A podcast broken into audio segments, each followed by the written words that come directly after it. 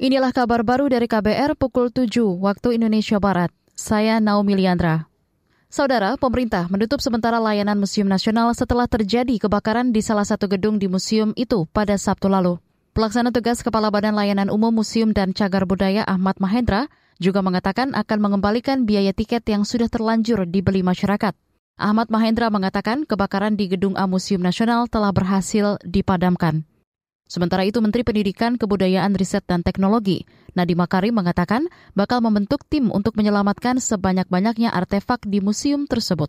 Pertama, prioritas utama kita sekarang adalah sebenarnya uh, menyelamatkan sebanyak mungkin uh, artefak-artefak dan benda-benda uh, bersejarah yang ada di dalam ruangan-ruangan yang terdampak kebakaran itu adalah prioritas utama kami.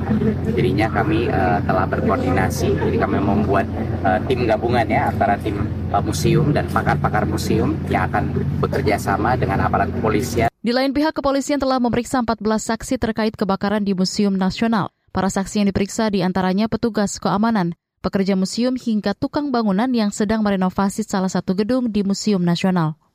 Kita ke Jawa Timur. PT Perusahaan Gas Negara PGN akan membangun jaringan gas bumi dari rumah ke rumah di Kabupaten Banyuwangi. Kepala Divisi Regional 3 PT PGN, Hamal Syahan, mengatakan Banyuwangi memiliki potensi besar bekerja sama dengan perusahaan gas negara.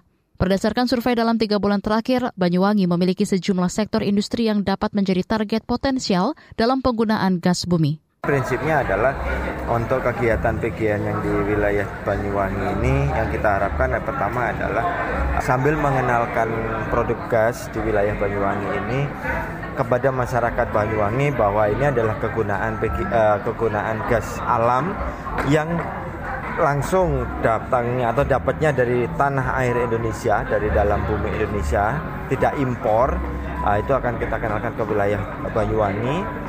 Kepala Divisi Regional 3 PT PGN Hamal Syahan menambahkan perusahaan gas negara juga akan mengenalkan kepada masyarakat terkait sumber gas PGN yang diperoleh dari perut bumi dan cara penggunaan yang aman. Sebelumnya, Banyuwangi mengalami kelangkaan stok gas LPG subsidi ukuran 3 kg beberapa bulan lalu. Kita ke informasi olahraga.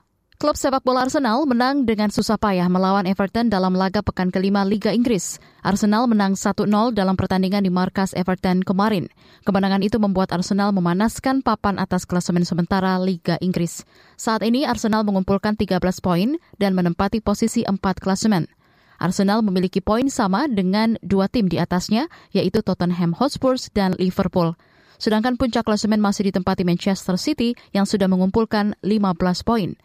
Sementara itu Chelsea masih tertekan di papan tengah setelah hanya bermain imbang tanpa gol melawan Bournemouth.